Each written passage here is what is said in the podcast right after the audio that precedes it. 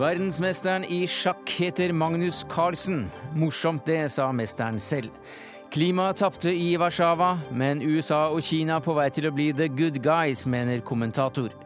Skoleuniform vil løse problemet med merkepresset i skolen, sier rektoren på Markedshøgskolen.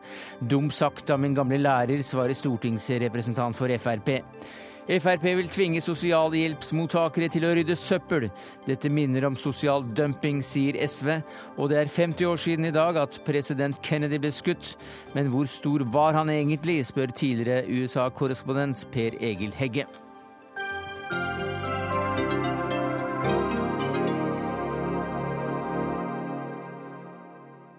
Noen av sakene i Dagsnytt 18 denne fredagen, der vi også får besøk av mannen som har skrevet bærets kulturhistorie. Men altså, klokka kvart over tre i dag ble Magnus Carlsen fra Numedal Nei, fra Ja, hvor er han fra? Lommedalen. Han er født i Tønsberg. Han ble verdensmester i sjakk. Nei, det er morsomt, det. Det ble en litt lengre dag enn jeg hadde forventet i dag, men jeg, jeg syns det var et verdig, verdig, punktum eh, på VM, og eh, selvfølgelig veldig deilig, deilig, å bli ferdig. Hva har vært høydepunktet ditt i denne VM-kampen, over alle kampene? Nei, eh, det var jo utrolig morsomt å vinne to partier på rad, selvfølgelig. Da, da var jeg jo eh, veldig høyt oppe. Men jeg syns eh, generelt det har vært en kjempeopplevelse.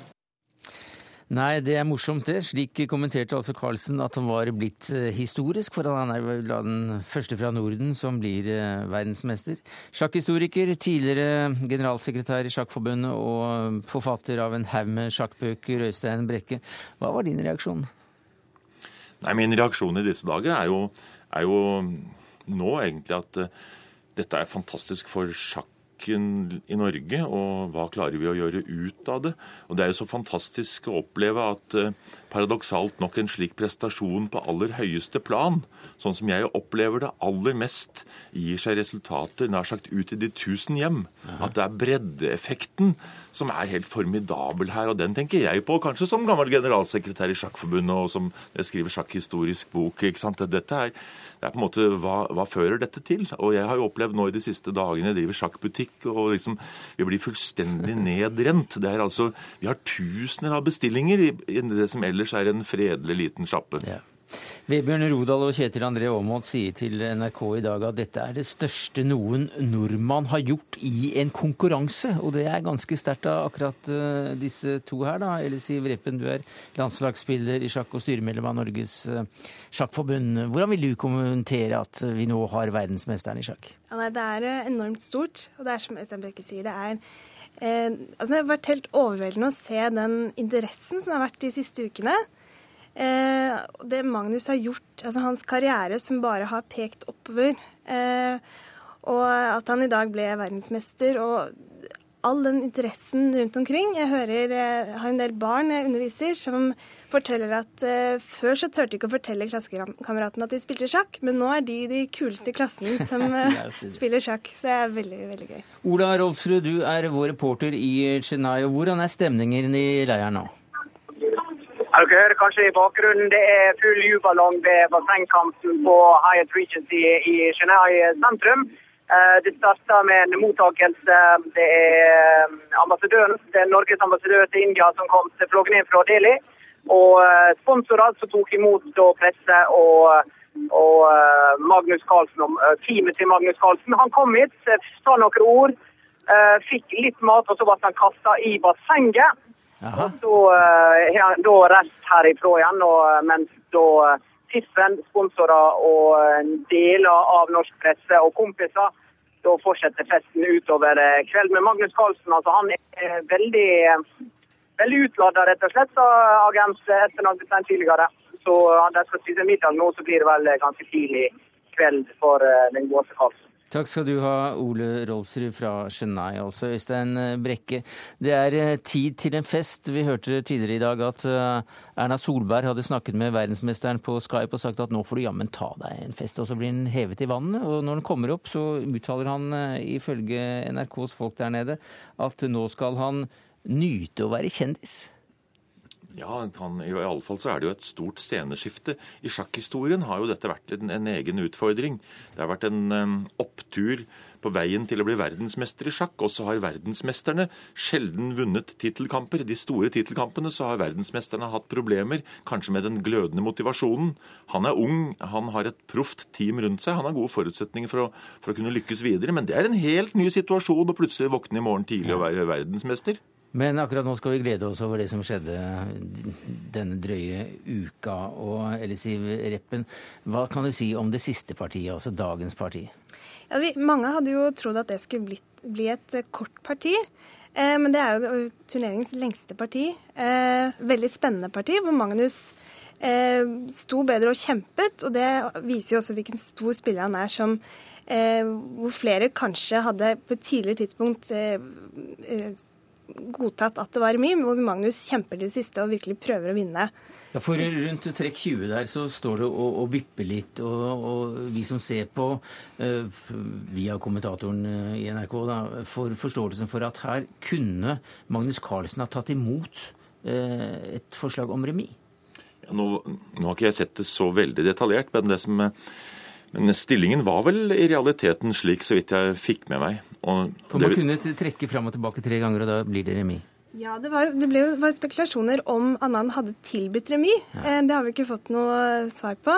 Men det er klart at det er jo også Magnus vet jo ikke om han hadde tatt trekkinntagelse hvis eh, han hadde gjort det selv. sånn at det, det var jo en avveining han måtte ta der.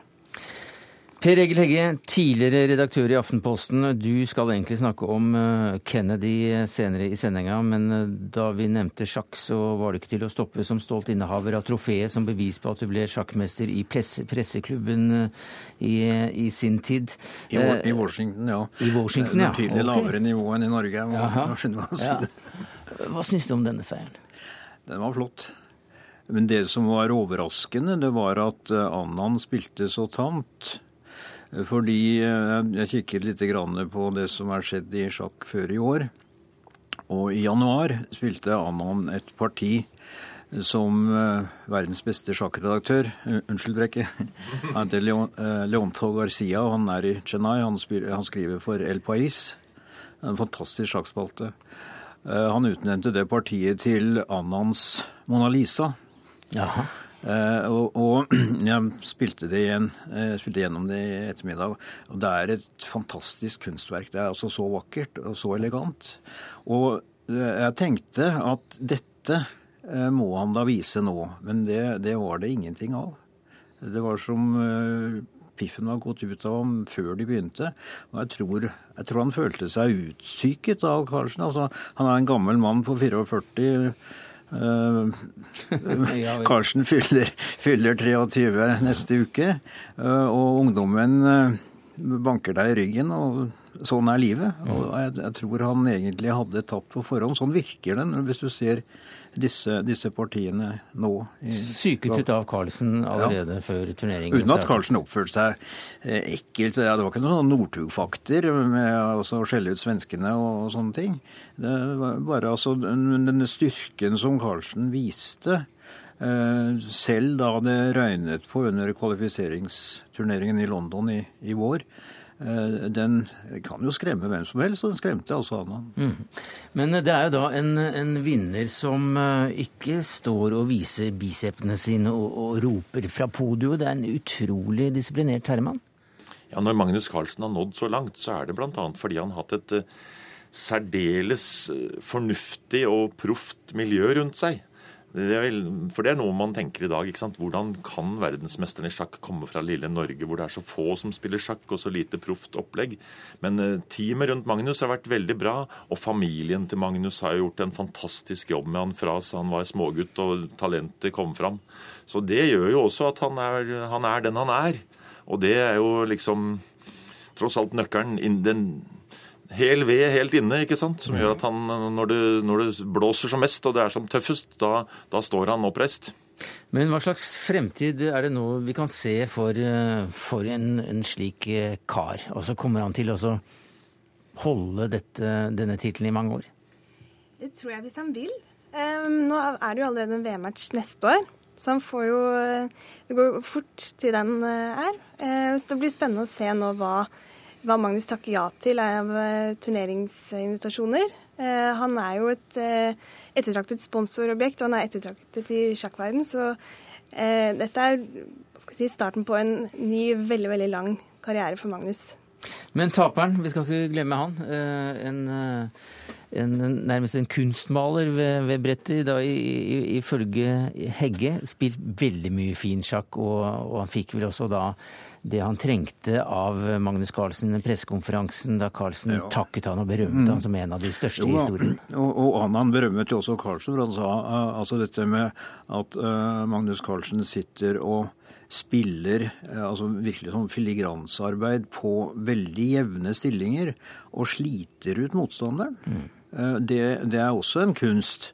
Eh, og Carlsen spiller jo elegante partier, det er ikke det, er ikke det men, men, altså de, de, de, beste partiene til Annan de ligger på et skjønnhetsnivå hvor han konkurrerer med Kasparov og, og, og Spassky og Fischer på, på, da de var på sitt beste. Hvordan kan du si at et, et parti er er skjønt? Det er, det er vakkert. Uh, altså, uh, det, er, det, er, en skjønnhetsopplevelse, og, og det, det, ser man også om man spiller sjakk på det nivået hvor, hvor, hvor jeg befinner meg. Og, og du kan jo se at et maleri er flott, selv om du ikke kan male selv. Uh, og, og det, er, det er virkelig imponerende. Fikk du mye penger da du vant uh, denne turneringen? Nei, jeg måtte kjøpe kaffen selv. ja, Du får nesten vise fram denne som et bevis på at du faktisk uh, har vunnet den. Jeg tror du må holde den opp sånn at uh... Ja vel. Jo, det, det, er Altså dette er Hvis du sammenholder det med Carlsen, så er det omtrent som Gampehaugen fotballag mot Rosenborg. Altså. Jo, jo, begge spiller fotball. Takk skal du ha uansett, Per Egil Hegge, og også takk til deg, Elis, Elisiv Reppen og Øystein Brekke.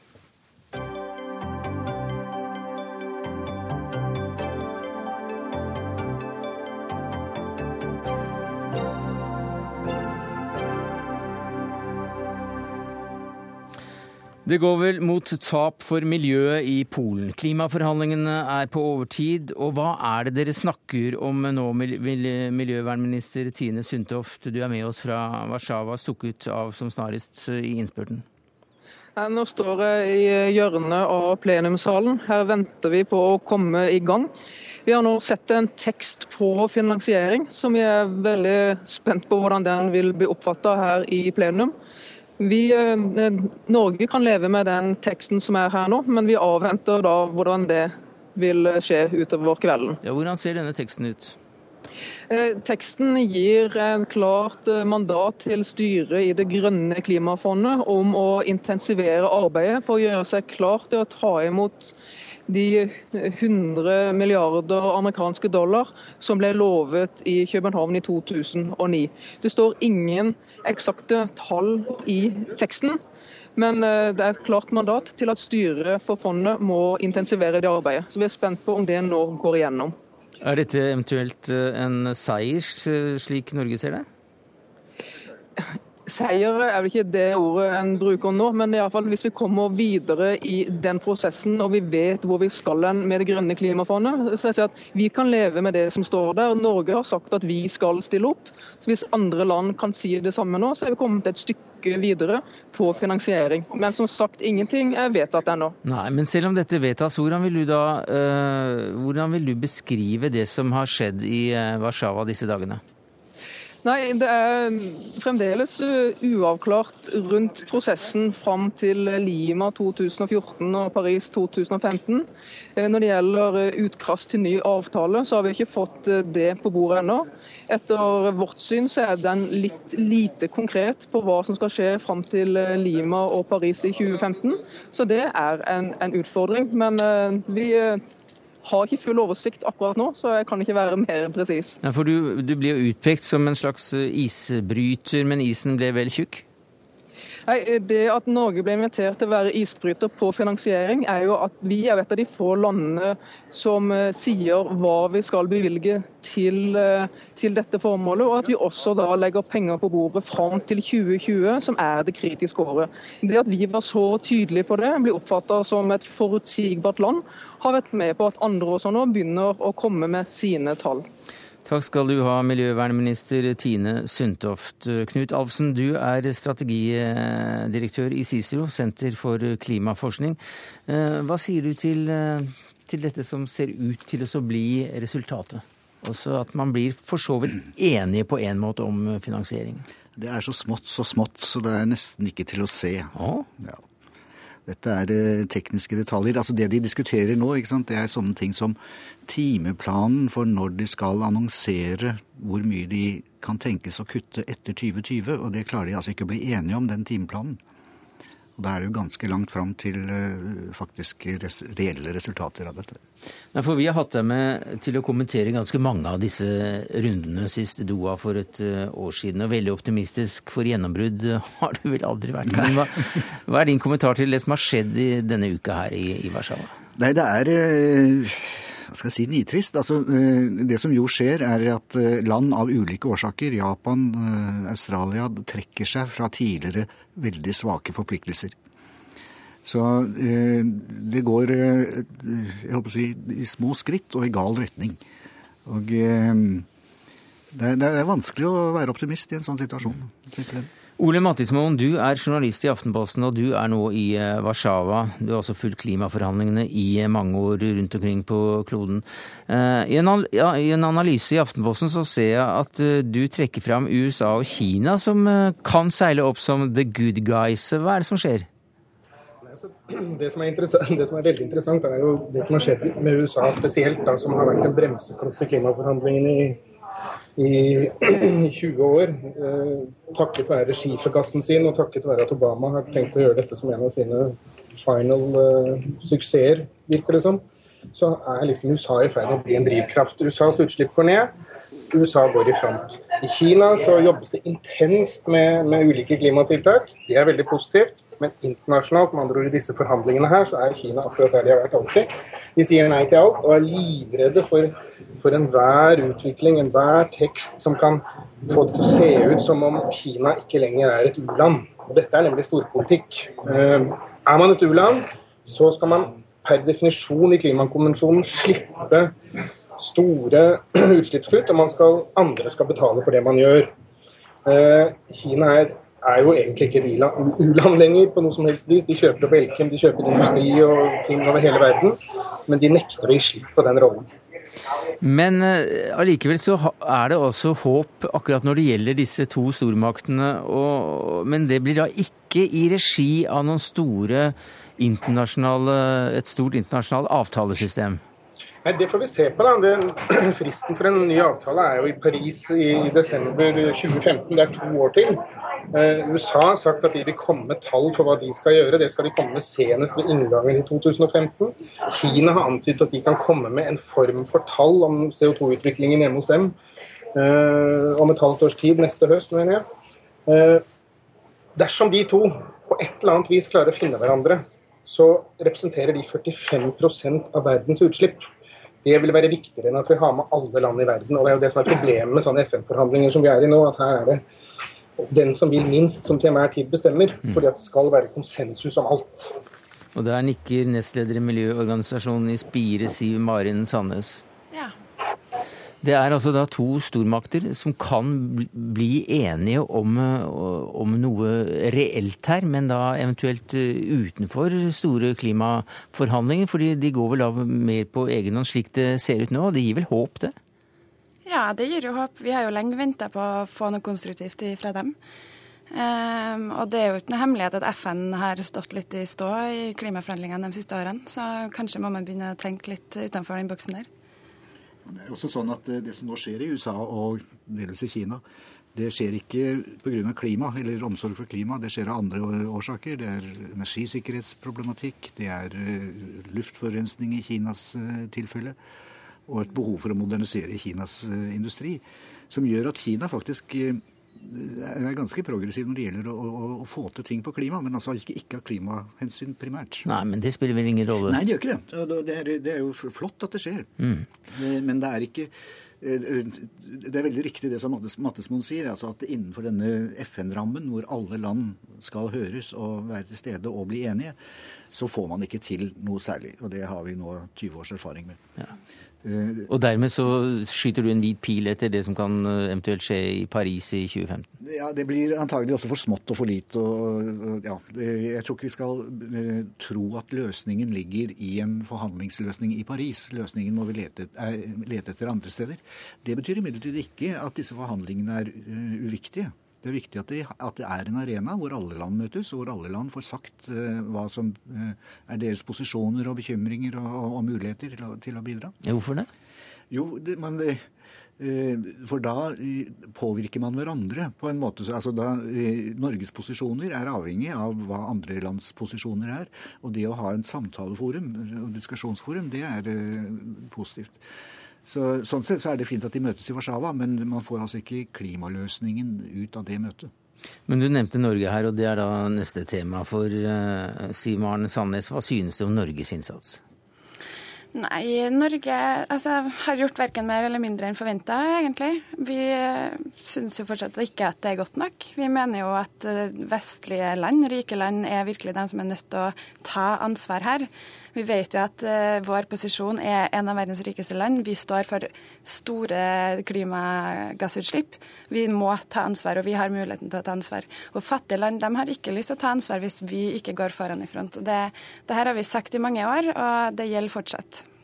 Jeg vil si at uh, Norge gjør en veldig god jobb på den internasjonale scenen. Altså, vi opptrer mm. veldig ordentlig og går i front og legger, er, som det ble sagt her, forutsigbare og legger penger på bordet. Ja, mye penger også. Det ble jo veldig, igjen gjentatt disse løftene om regnskogfond. Og... 125 millioner dollar til regnskogsfondet fra Norge, 25 millioner dollar fra USA. ikke sant? Det er mm. helt uh, andre skalaer. Så vi er sjenerøse sånn sett på bortebane, men vi gjør jo for lite her hjemme. Mm. Og det, det, ja, det, er jo en lang debatt selvfølgelig hva man skal gjøre og hvor langt man skal gå foran osv. Men det hadde jo vært fint om verdens nesten rikeste land med en homogen befolkning med snille folk eh, også kunne oppføre seg klimavennlig. Altså. Men hvor viktig er det som ren symbolpolitikk?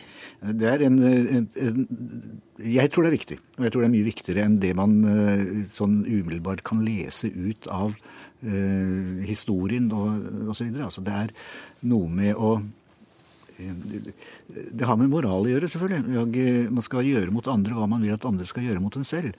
Og hvis vi vil at eh, andre land skal kutte sine utslipp, så er det ingen vei uten at vi gjør det selv også. Ole Mattismoen i Warszawa, vi hørte her miljøvernministeren skissere hva hun trodde kunne komme ut av den teksten som de håper blir presentert nå ganske snart.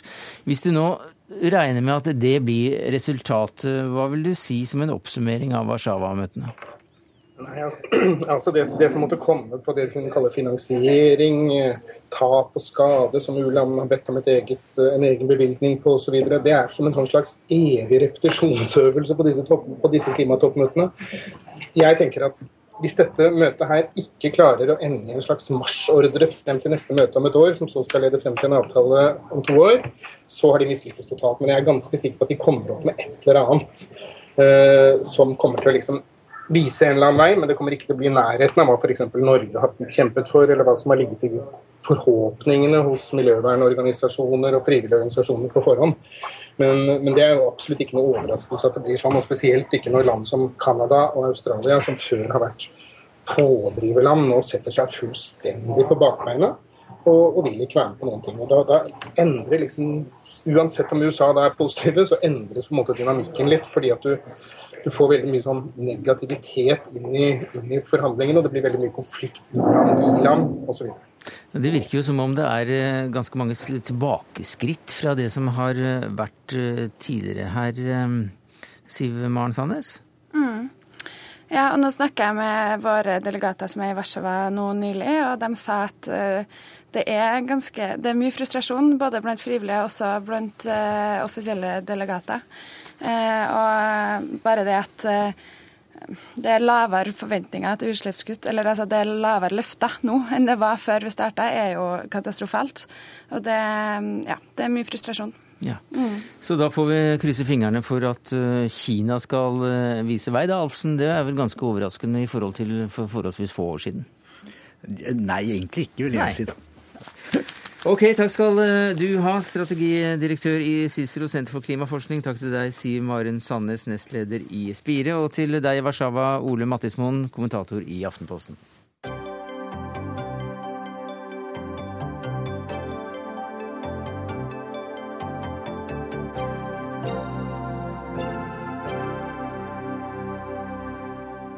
Merkeklær og dyre sko er blitt et vanlig syn i norske skolegårder. og Denne uka har flere aviser skrevet om merke- og kjøpepress, og nå kommer du med et forslag til en løsning, Trond Blindheim. Du er rektor ved Markedshøgskolen, og fortell.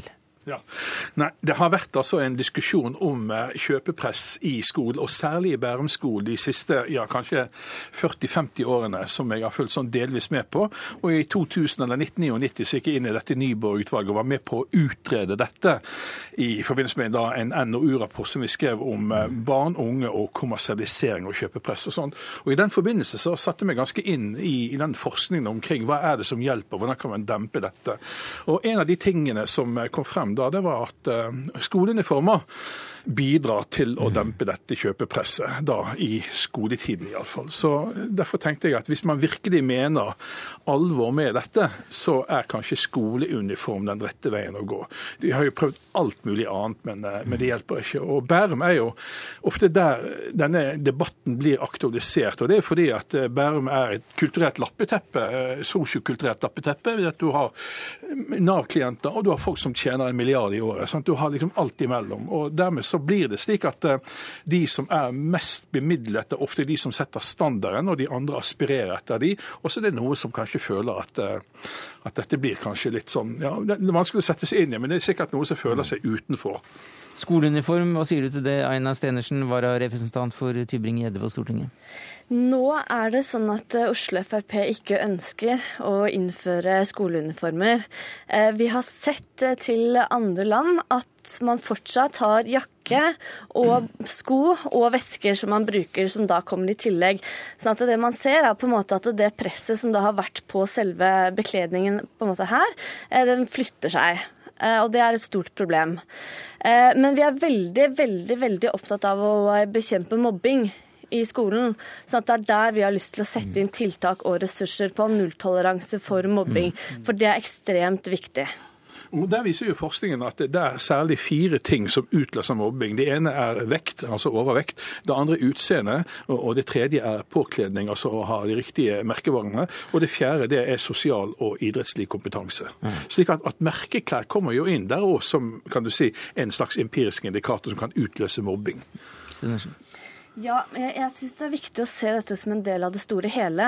For nå er det ikke alle ungdommer som velger å ha merkeklær. Noen er skatere, noen er snowboardere, noen har litt mer sånn hiphop-stil. sånn at det fins veldig mye forskjellige stiler som ungdommene har. Og å få lov til å ut, uttrykke seg individuelt, det er også noe som de ungdommene setter stor pris på. Og så har det også vært en undersøkelse som Super NRK har gjort blant mange unge. Ja. Og der sier seks av ti at de faktisk ikke ønsker å ha skoleuniform. Jeg tror det, altså, det ligger en slags sosial reproduksjon i dette. For det, det er nå slik at Bærums merkevare, eller det Bærum er litt kjent for, det er jo litt sånn snobberi. Liksom å ha den fineste bilen, ha de fineste feriene, fineste huset, fineste merkevareklærne. Bærum er kjent for akkurat det. Og det kan jo tenkes da at barna på en måte ramler ikke så langt fra stammen, altså sine foreldre, og at dette blir overført fra foreldre til barn i skolen. Så et annet tiltak vil jo være at de som føler seg provosert av dette, og som ikke klarer å holde håper jeg, tritt med naboens statusjag når det gjelder merkeklær, bør flytte til f.eks. Nesodden, hvor du aldri får sånne diskusjoner, og der er det et stort steinerskolemiljø. Men det er kanskje en eh, litt større vei å gå. Men eh, hvilke assosiasjoner får du da til skoleuniform, eh, Stenersen? Jeg får assosiasjoner til skoleuniform at alle skal være like. Og det er veldig sånn sosialdemokratisk tankegang at hvis alle ser like ut, så kommer alle til å være like. Og det kommer ikke til å skje. Og det har vi også sett i skolen, at skolen har vært veldig sosialdemokratisk når ingen skal være flinkere enn andre. Og det ønsker man som en liberalist å bekjempe mot. Og så, men så har vi også sett at den rød-grønne regjeringen, den tidligere regjeringen, ikke har gjort nok for å bekjempe mobbing. Og det har vi satt veldig hardt fokus på. Men de er ikke her nå. Men Blindheim er her. Ja, altså altså, det som er litt interessant, er å se hvor er det du finner skoleuniformer da. Jo, du finner det i konservative England, du finner det i Italia, du finner det i Tyskland, du finner det i Frankrike. Og du finner det også i Singapore f.eks., og deler av USA. Der det ikke er skoleuniform, f.eks. i USA, er det veldig strenge regler på hva slags klær og hva slags frisyre man får lov til å ha på seg. Slik at det er jo på en måte i kapitalismens høyborg man har nettopp innført dette med skoleuniform. Vi tenker jo ikke at uniformene skal være sånn som de er i Nord-Korea f.eks. Og en britisk skoleuniform hadde passet veldig godt i Bærum, for der ser jo guttene ut som de er børsmeglere, og jentene ser ut som det er deres sekretærer. Men altså, går, det går jo på bekostning av folks frihet, da? Ja, det, det, det, det, er klart. Altså, det, er den negative siden. Men det som er interessant, vi gjorde to undersøkelser i forbindelse med denne NOU-rapporten vi skrev. og Der ser vi at befolkningen er veldig delt i dette. Så du har nok flertallet på din side, eh, helt klart. Eh, men, men vi så at 40% av de som ble spurt, mente at skoleuniformer bidrar til eller de trodde at skoleuniform vil bidra til å dempe kjøpepresset. Men da vil jo søkelyset eh, gå rett ned på skoene, f.eks., som koster 40 000 ja, kroner, og den lille veska fra skole, skole, skole, skole, skole, skole, ransel. Det går an å innføre si, det samme uniformsregler der som det er på skole, klær og bukser. Skolediamantklokker? Nei, men altså, det går an. Altså, det, er igjen, det går an å innføre sanksjoner, ikke sanksjoner, men det går an å innføre regler for dette på skolen. Men man ser da også at man velger ulike mobiltelefoner, f.eks. Eh, så å tro at hele det merkevarepresset kommer til å forsvinne eh, ved å innføre en skoleuniform, er en utopi. Eh, og så ser man også at i de landene som han refererer til, som har innført det, så har man problem også, fordi man fortsetter å se på andre ting. Og Da er det også viktig at foreldrene eh, tar en diskusjon med barna sine om at man trenger ikke å ha merkeklær for å være vellykket. Det er en viktig funksjon som foreldre kan ha. Det kan vi gjøre uten å ha lover og regler som skal detaljstyre hverdagen til den enkelte. Og så ser vi også at her i Norge så ønsker flesteparten også å kunne velge hva de skal ha på seg. Eh, sånn at da tror jeg vi må heller må inn med en holdningskampanje og heller snakke med de unge som foreldre, og så ta det derfra.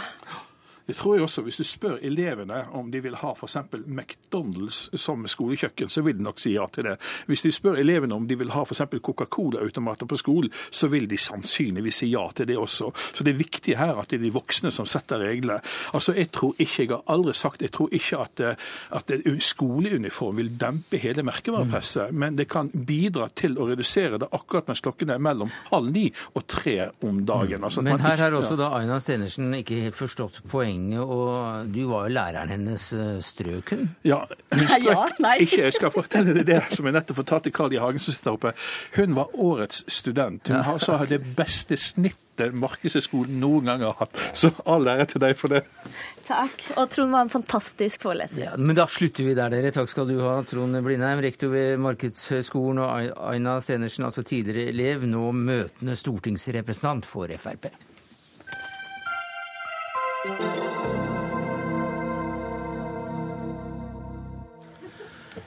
om noen minutter, klokka 19 eh, norsk tid, er det 50 år siden eh, John F. Kennedy ble skutt, og dødserklæringen kom en halv time senere.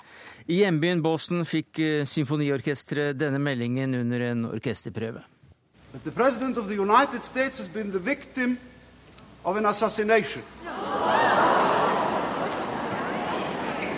President John F. Kennedy ble skutt i en åpen limousin på vei fra flyplassen og inn til sentrum i Dallas, Texas klokken 12.55, altså like før klokken 19 norsk tid i kveld, og døde vel en halv time etter på et hospital i nærheten. Det var Per Øysang som rapporterte, og i dag så er 600 pressefolk til stede i Dallas, Texas for å dekke minnemarkeringen, og blant dem er du som vår mann, Anders Tvegård. Hva er det som skal skje? Ja, Her kommer det til å være en uh, verdig uh, seremoni. Uh, akkurat nå så ruller bilder fra Kennedys liv på storskjermene inne på Dealey Plaza-området. Der altså presidenten ble skutt. Jeg står og ser ned på rundt 5000 mennesker her nå som har møtt opp og fått billetter til arrangementet. Det starter om få minutter.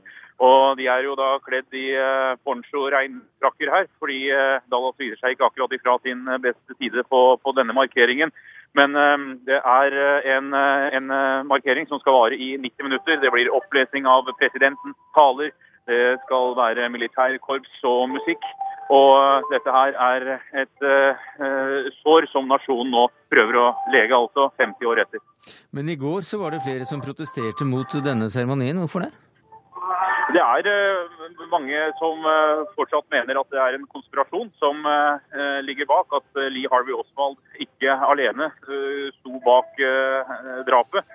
Og Litt av problemet, eller utfordringen er at det var jo aldri en rettssak her. Og det har, er fortsatt dokumenter som er hemmeligstemplet, som kanskje om fire år kan bli frigitt.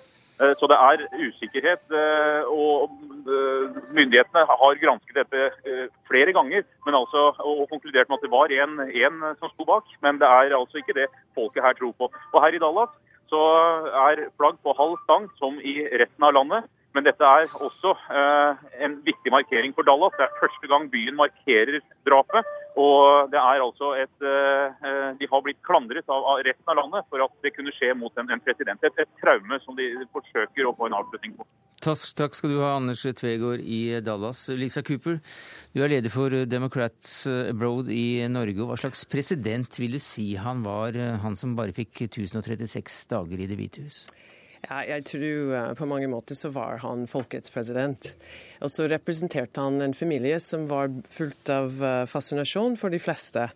Uh, fullt av beundring. De hadde sosial status, de hadde rikdom. De, de var også utrolig kjekke. og de produserte, de produserte Jack, Robert og Kennedy, som var legender i politikken. Og legender på hva? På helsereform, som vi husker Kennedy, Teddy, som var absolutt sist men også så mye som borgerrettighetsbevegelse. Og så rettferdighet.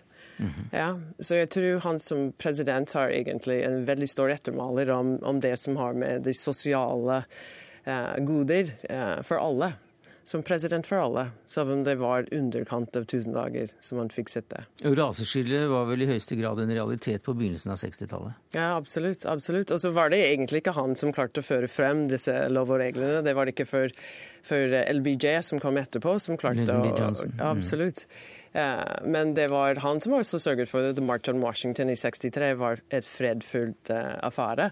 Han møtte Martin Luther King flere ganger. Det var også en kjent sak han egentlig ikke hadde lyst at de skulle samles i, i den ene dagen i 63. Mm -hmm. men i hvert fall så, så ser du at han hadde tro på det. Han visste at det var viktig for USA. Og så Foruten det så kan man lure på hvor vi hadde vært nå.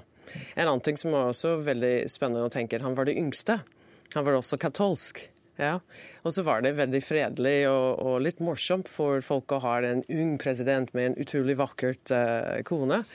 Uh, så da ble det veldig mye snakkes. Uh, det er også selvfølgelig den historiske konspirasjonsteori mm. som jeg, jeg, tror flere andre her skal, skal snakke litt mm. mer om, som har preget veldig mye av hans ettermaler etterpå. Per Egil Hegge, inn i studio igjen denne gangen som tidligere USA-korrespondent. For du stiller spørsmålet hvor stor var Kennedy egentlig? Mm. Ettermælet ble jo preget av denne forferdelige dagen for, for 50 år siden. Men hvis man ser på det han fikk utrettet, så, så, er ikke det så veldig mye. Og jeg fikk den første kalddusjen etter drapet, tolv timer senere, for da jeg var i London på Aftenpostens kontor den gangen. Og nekrologen i London Times, den var kjølig og virket nesten iskald. Den var jo skrevet på forhånd. Så det var bare avslutningen og begynnelsen som var skrevet under inntrykk av ugjerningen. Og så var det en, da en veldig nøktern vurdering av hva han hadde fått til, og hva han hadde mislykkes med. Og det er en nekrolog som står seg, for den, altså, var skrevet helt uten innflytelse av de følelsene som alle normale mennesker måtte ha når katastrofen veltet inn over, over, dem. Og det gjorde den jo for første gang, fordi det, var, det, det, det skjedde nesten på fjernsyn.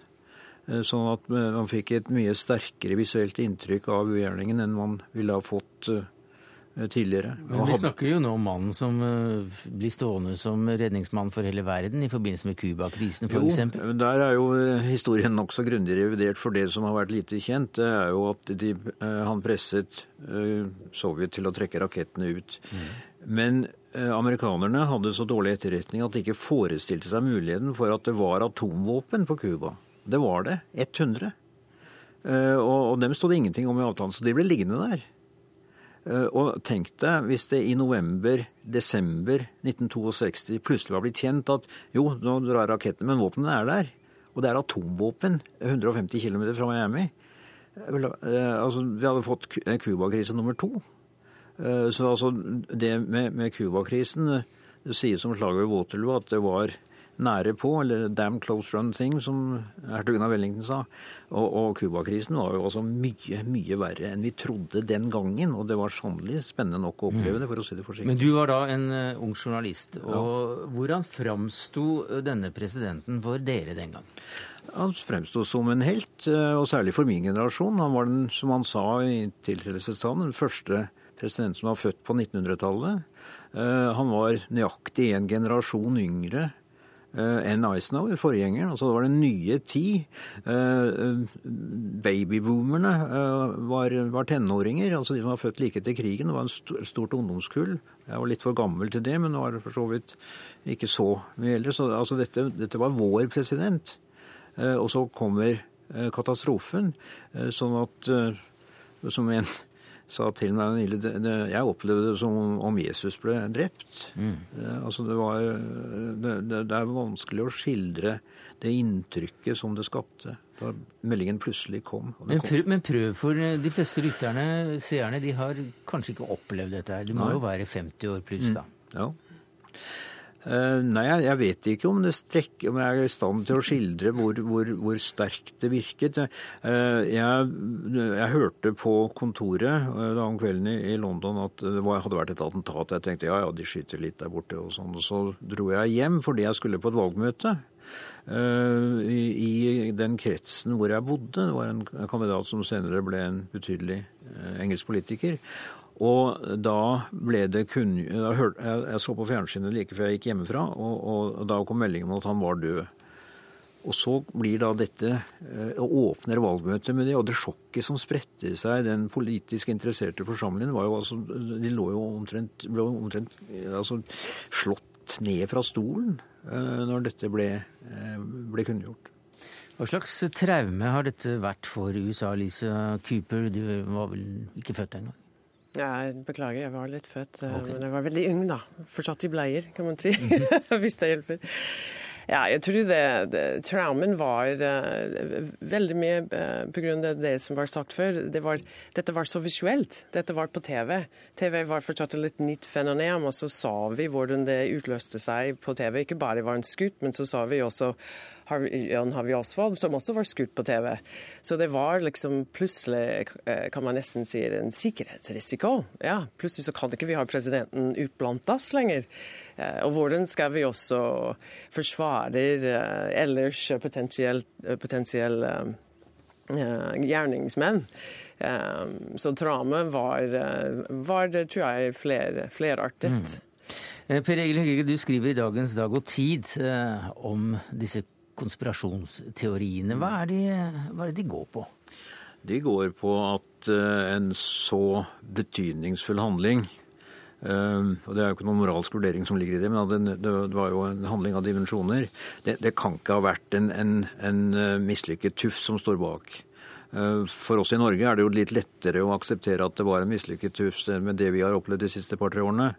Men den gangen, altså det, det, det var ikke noe Eh, det var, noe, det var et misforhold mellom begivenhetens dimensjon og gjerningsmannen. Ja, det, det skaper grobunnen for, ja, for ja, og, men det hadde nok kommet uh, uansett. Og så er det jo det, da, at det, det, går ikke an å bevise at det ikke var noe mer. Uh, du kan ikke bevise et negativ, som amerikanerne sier. Uh, og, så, og, når da i tillegg gjerningsmannen blir skutt 48 timer senere, Eh, så begynner jo folk å si jaha, det var noen som ville ha ham av veien, og hvorfor det, og hvem var det? Eh, og så kommer eh, alle, alle legendene, og de var jo Den kverna var i gang med en med det samme. Og har aldri stoppet, egentlig. Men de som har gått igjennom detaljene, de har ikke funnet noen andre enn Lee Harvey Oswald. Og når man ser denne Dealey Plaza, som er altså så utrolig liten Jeg ble bare stående og måpe første gangen jeg var der. Det er der han blir skutt, faktisk. ja. ja. så, så ser man at eh, du trenger i hvert fall ikke skarpskyttermerket i det amerikanske marineinfanteriet, som også hadde, eh, for å treffe, sånn som, så, så liten som den avstanden er. Da lar vi det være siste ord i denne markeringen. Det er altså 50 år siden om et kvarter at eh, John F. Kennedy ble skutt i Dallas. Takk skal du ha, Lisa Cooper, leder for Democracy Broad i Norge. Per Egil Hegge, tidligere USA-korrespondent.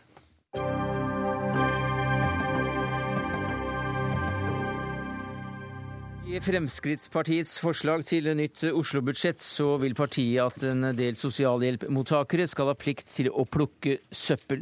Målet er å spare 45 millioner kroner på sosialhjelpbudsjettet og bli kvitt mottakere av sosialhjelp som egentlig jobber svart. Gruppeleder i Frp Oslo, Carl I. Hagen, fortell oss kort hva dette forslaget går ut på. Ja, det er flere. For det første så bruker nå Oslo omtrent 1 milliard kroner i sosialhjelp. 12% av de som får sosialhjelp er mellom 18 og 24 år. Og det er klart at de aller fleste av de har en restarbeidsevne. Eh, det kommer også en del påstander om at noen får litt sosialhjelp og jobber svart. Og vi synes at, Det er det ene. Det andre er at mange av de som får sosialhjelp, de, er for seg selv. De er ikke med i et sosialt fellesskap, og de ikke, er ikke med på noe. Det å da ha oppmøteplikt i normal arbeidstid fra åtte-halv ni til tre hver dag, og bli satt i forefallende arbeid, eller gå på kurs, eller la oss si de som har hoppet av videregående skole, kan få plikt at de får ikke sosialhjelp med mindre de gjenopptar skolegangen. Altså sette de i noe fornuftig Eh, arbeid. Så det er både den sosiale tenkningen å få de tilbake i fellesskapet, og hindre de som eventuelt er litt unnalurere, samtidig som vi kan få en renere by. For alle som har litt restarbeidsevne, kan i hvert fall gå rundt og hjelpe til å rydde i byen og gjøre forefallende arbeid som ikke krever annet enn en helt ordinær kropp, eh, uten noe spesiell kompetanse. Så det er bare fordeler. Og da tror vi at mm. kanskje 4 av de som i dag går på sosialhjelp, vil heller slutte med det og, og gjøre noe annet, og da sparer vi litt penger. Et colombi egg, Jonny Ingebrigtsen, du er medlem av arbeids- og sosialkomiteen på Stortinget for SV. Ja, altså, jeg er jo eh, til dels litt enig med Hagen her, altså, men jeg tror Hagen blåser altfor hardt i fløyta her. Altså, det, det, her det er ikke noe stort problem. Altså, vi er jo enig i det at, at, det beste for folk er jo å komme i arbeid og være blant de sosiale forholdene, om det nå er i jobb eller i forening eller hvor det måtte være. Men, det er, men, men det er, det er tilstanden, men hva syns du om løsningen?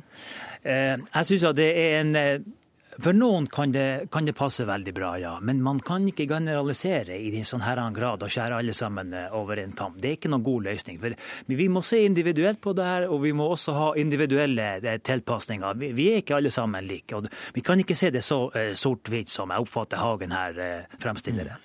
Nå tror jeg ikke du har lest det som vi har skrevet, fordi vi har nettopp sagt at her må det fattes vedtak av Nav-kontoret for hver enkelt sosialhjelpsmottaker. Men det normale skal være at de som har en restarbeidsevne og har arbeidsevne, og ikke har noe, noe, annet de foretar seg, de skal settes i arbeid. Eh, og de skal settes i virksomhet. Og det kan variere fra kurs, fra videregående skolegang, til det å plukke søppel. Ja, Rusken i Oslo kan sysselsette langt flere enn det de gjør i dag, må ha en ren og pen by. Og så kanskje en del av da, disse som er, nå er passivisert, vil bli motivert til å aktivisere livene sine. Det er, u, det er, det er, det er egentlig umoralsk å gi folk penger for å ligge på sofaen hjemme og dra seg når de kan gjøre noe. Og da må de få et spark bak til å gjøre det. Ja, altså, Nå har han jo lest det som har vært i media, og der står det ikke noe om individuell behandling. altså. Det høres jo litt bedre ut da. Men altså, Karl Ivar Hagen, der er ca. 55 000, altså ca. 50% av de 115 000 000 som i 2012 hadde sosialhjelpsstønad, altså, som hadde det under tre måneder. Altså, det her er jo ikke noe stort problem. Og vi er jo enige at det beste for folk det er jo at du er ute i arbeidet. Og, eh, og, så vi må, vi må, jo ikke se så sort-hvitt på det her. Nei, men hva, hva, er galt, hva, hva, er galt, med å, å, la de plukke søppel, en del av dem? Nei, altså Hvis, at, eh, hvis at Oslo by har behov for å få plukka opp søppel, eller mannskitt som vi sier oppe i Finnmarka, så syns jeg at man kan ansette de folkene for å gjøre de der tjenestene tjenestene. Hvis det er det som er. Og da begynte jeg jo å lure på er det, er det her en, eh, Jeg kan ikke tro at Hagen mener det, men jeg tenkte i hvert fall på er det her en slags ønske om sosial dumping? At man skal få noen til å gjøre noen tjenester som man ikke ser seg råd til å, eh, å få eh, legalisert? Nei, selvsagt ikke. Og det er slik at flere av de frivillige organisasjonene, både Frelsesarmeen og Kirkens Bymisjon, organiserer f.eks. rusmisbrukere i type arbeid hvor de også får en viss belønning. Nettopp for å få de i gang på en positiv måte. Nei, altså, Men det er jo et problem at det er altså har vi gjennomsnittet 17 000 som går på sosialhjelp i Oslo. Og i gjennomsnitt så får de rundt 50 000 kroner hver. Så det er helt riktig at det er noen måneder. Men de månedene, istedenfor eventuelt å ligge på sofaen hjemme og dra seg og føle seg blitt satt utenfor og kanskje få psykiske problemer, så må vi hanke de inn. Og, det er snakk om drop-outs i videregående skole. Altfor mange slutter, særlig gutter. Da må vi kunne si at de kan i hvert fall ikke få sosialhjelp for å ikke gå på skolen. Da må vi i hvert fall kreve at deg, da må du møte opp på skolen, da må du gjøre noe fornuftig. Så dette er både en hjelp for den enkelte, og kanskje vi vil redusere noe på sosialhjelpsutbetalingene, som altså nå nærmer seg en milliard kroner i Oslo. og når andre partier strammer inn både med noen millioner her og der mm. på utsatte grupper, eh, da er vi nødt til å se hvordan vi kan eh, husholdere med midlene. Så det, dette er et Columbi. Ja, Jeg kan jo ikke tenke meg at Hagen skal spare en milliard kroner på nei, nei, nei, det her, som, som, er litt på, på, kanten av lovverket. Og Jeg har jo eh, vært eh, både fiskebåtreder og, og skipper i, siden 1980, altså over 30 år. Så jeg har jo hatt en del folk i arbeid. Og jeg vet jo hva for en planlegging man må gjøre for å skal sette folk i arbeid. Du Kan ikke bare røkke inn en gjeng med folk og få, og få noe arbeid gjort. Så, og Der syns jeg at kommunene kunne ha gjort mer og bevilga litt mer penger for å få det her i et mer organisert system. Altså Det må være en plan over det. Det, det kan jeg ikke tenke meg ikke du mener? Nei, Det er helt klart, og derfor har jo vi bevilget fem millioner mer til Rusken, for at de kan få den nødvendige administrasjon til å ta imot flere som de så kan sette i arbeid og holde sysselsatt. Og vi har bare redusert med 45 millioner av den milliarden som vi regner med i besparelser på dette. Besparelsen er ikke det primære, det primære er å få folk i arbeid. Og unnlate at det stadig flere skal vi si, får penger uten å måtte gjøre noe for det, når de er i stand til å arbeide. Ja, Det er en god intensjon, altså, men jeg må si altså, den, den kraftige medisinen som, eh, som, skal eh, til her, den er altså ikke tilpassa det virkelighetsfaktiske forholdet. Så uh, intensjonen er vi enig i at det kan være veldig bra for enkelte å komme ut i, i arbeid. Men hvorfor skal en bare plukke søppel? En kan jo gjøre andre ting. Ja, jeg har nettopp nå sagt de kan bli satt til å gå på kurs, videregående utdanning, andre forefallende. Vi har også sagt at hvis vi kan få andre arbeidsoppgaver som de vil være i stand til å gjøre, så gjør vi det. Så vi er, du, du høres ut at når du har lest det jeg har skrevet selv, og ikke bare noen journalisters gjengivelse i korte setninger, så tror jeg vi er ganske langt på vei enige. Ja, men jeg tror ikke vi skal skylde på journalisten i denne saken. Han gjorde det, så han hadde bare lest det som sto i avisen. Takk skal du ha, Carl I. Hagen, gruppeleder i bystyret i Oslo Frp. Jon Ingebrigtsen, arbeids- og sosialkomiteen for SV.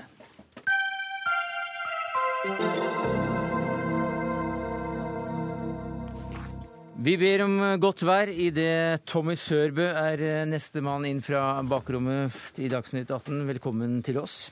Forfatter, kunsthistoriker, kunstformidler, dramatiker med mye mer, men det var vel egentlig meteorolog du burde vært? Ja, hadde det ikke vært for at jeg ikke skjønte meg på fysikk og kjemi og matematikk. Ja. Det er, det er, mye statistikk, tror jeg. i det i Ja, det, det er nok det. det er nok det. Nei, altså, jeg, det, Dette er ikke en bok om meteorologi, dette er en bok om hvorfor vi er så fascinert og opptatt av været. For et vær heter boka du har skrevet da om vår lidenskap. Ja. Uh, for været. Et kulturhistorisk uh, sveip ja. innom hva, hva, hva været betyr, eller manifesterer seg i religion, i kunst, ja. i historien. Historie, psykologi, i sex. På alle I sex? Ja, ja Vi får komme tilbake til det. jo, takk. Men du siterer aller først i boka di her eh, Ralph Boller, som sa at været er skapt av Gud for å motbevise meteorologene. Ja, det er jo dette uregjerlige været, da. At eh, det er et av de få eh, stedene i livet hvor vi fremdeles eh, må leve med uforutsigbarhet. Det gjelder jo helsa vår òg, for så vidt. Men det er jo noe som liksom kommer mer snikende, og vi blir eldre og vi blir grå i håret og ja, i det hele tatt vår utgang er kjent. Men, eh, men eh, vi, hver gang vi står opp om morgenen, så er det litt sånn spenningsmoment. Mm. Hvordan ser været ut? Og det får konsekvenser for oss. Hvordan vi skal planlegge dagen. Og det er ett av hva vi skal ha på oss, hva vi skal gjøre. Nå kan jo meteorologien eh, fortelle oss hvordan været blir én og to og tre og kanskje opp til en uke fremover. Men stort sett så er været fremdeles det eneste stedet hvor vi må leve med en uforutsigbarhet. Og det tror jeg både det irriterer oss, men det fascinerer oss også. Og det binder oss sammen, for du skriver at det er vel noe av det siste som da vi, vi har felles, nemlig det er interessen for været. Nå som eh, man har flere radio- og fjernsynskanaler og verden er gått helt eh... Ja, det er ikke én dagsorden lenger. Nei, nettopp. Men eh, været, det holder vi fast på. Det holder vi fast ved. Altså, vi som bor i samme distrikt og samme område, så har jeg tenkt at liksom det er en trøst når det, når det regner på, på kongen, så drypper det på presten, han nær sagt. Men det, altså, det regner på oss alle. Vi opplever vi, det, det, det, det, gjør oss synkrone, tenker jeg, som mennesker. Så da kan vi snakke om felles skjebne, felles trøst. Ja. Og din skjebne det var å bli født i en familie som var veldig opptatt av vær, så du er arvelig belastet? Jeg er arvelig belastet. Ja. bestefaren min hadde vært ute på de sju hav som på seilskuter, og han eh, likte å fortelle. Og mamma var meget dramatisk anlagt. Kom det ti centimeter snø, så var det nesten dommedag. Og, og, og, og, eh, Faren min var sjømann, og, det å snakke om været og Vi bodde sånn til at vi hadde utsikt ut over fjord og fjell. og, kunne se et uvær i det fjerne, hvordan det bygde seg opp, det var underholdning for meg. da. Mm. Eh, og også underholdning eh, hjemme. Kom dette regnværet nær, eller ville det sveipe forbi? Og, litt sånn religiøse ting rundt også. Så det har jo gjort at jeg er blitt opptatt av ja, hvordan vi opplever himmelen og ser tegn i skyen. Jeg tror jo rett og slett at det, det, å se tegn i skyen, altså mystiske ting, mm. figurer, det er nesten forløperen for ufo. Eh, spekulasjoner. Hvis du går inn på nettet og søker på clouds og signs og, og, og, dommedag og forestillinger rundt dette, så er det millioner av treff på mennesker som ser figurer og profiler og, og hva dette varsler om det, og sikkert var Kennedys død og, ja, alt mulig. Men så er det da også eh, et kapittel da selvfølgelig om, om været i kunsten. Ja. Og her har du mange fine eksempler, også norske. Ja da. Fra Isedal til, til Munch. Mm. Ja, altså jeg, jeg, tror jo at eh, Det var jo en som sa at da, da, Munchs eh, 'Skrik' ble vist første gang, så var det en kritiker som skrev det at dette er jo en parodi på dommedag. Og det har ofte vært brukt av kunsthistorikere for å liksom vise hvor dumme de var som ikke forsto Munchs prosjekt. Men på en måte så tror jeg Munch var innom dette med dommedag. Altså han Eh, han var jo, levde i et religiøst miljø. Faren hans var pietistisk orientert og var veldig opptatt av dommedag og varsler om disse endetiden osv. Når vi vet at Munchs opplevelse går tilbake på noe han antageligvis opplevde rundt 1883, høsten 1883, og hva var det som skjedde da? Jo, da hadde jo Krakatoa, denne øya i eh, nærheten av Indonesia, eksplodert, og hele det den nordlige halvkule var fullt av askestøv, Aha. og solnedgangene var helt spektakulære. og folk var vanlige mennesker skrev om dette i aviser. De var opptatt av det. Det var noe som gikk på folkemunne. Lette at det, nå, nå, nå, er det like før. altså Nå er det tegn i skyen. Så at Munch har hatt noe av det i bakhuet når han har malt altså dette, denne angsten det, det, det, er, det, er, noe mye mer, selvfølgelig. Men at, at meteorologien er en del av det bildet, det er jeg sikker på. Men du skriver da også at uh, skyene, apropos, ja. uh, de ble malt helt annerledes helt fram til slutten av 1700- eller begynnelsen av 1800-tallet? Ja, stort sett. Hvis man ser på historisk kunst, hvordan himmelen er fremstilt, så virker det nesten som ja, det er sånne gyngende engleplattformer som, eh, som, som, virker litt sånn naivistisk malt. Og det er jo fordi at himmelen er Et tre står stille.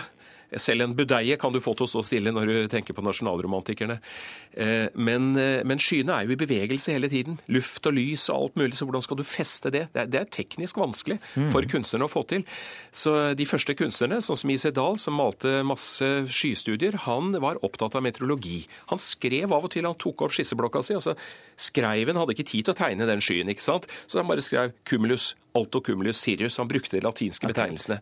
Så, så kunne han gå tilbake til det og, ja, og male det siden? Han visste mer om meteorologi enn meteorologi. Da var jo ikke meteorologien blitt en vitenskap. Du, Det er ett minutt til Dagsnytt 18 ja. takker for seg denne uka. Eh, men du nevnte vær og sex. Jeg ble litt nysgjerrig. Jeg kom i kontakt da jeg holdt på med denne boka med noen som ikke bare elsker været, men de elsker i været. Fortrinnsvis iført regntøy i søledammer. Det finnes, og Da må du melde deg inn i et spesielt eh, ja, medlemskap der et sted. og da, da, kan du bytte regntøy, og da kan du treffe likesinnede som ja. er veldig opptatt av vær og sex. Så det, Mennesket er et mangfoldig vesen. Ja. Dette som en slags innslag i serien eh, Dagsnytt 18 hjelper deg. Altså ja. ha en god, riktig god fredag kveld. Ja. Takk skal du ha, Tommy Sørbø, forfatter, kunsthistoriker, kunstformidler, dramatiker, værnerd nerd blant mye annet, og forfatteren er også av boka 'For et vær'. Det var det vi rakk i Dagsnytt 18 denne uka. Ansvarlig for sendinga var Saria Victoria Rygg. Det tekniske ansvar hadde Finn Lie. Jeg heter Sverre Tom Radøy.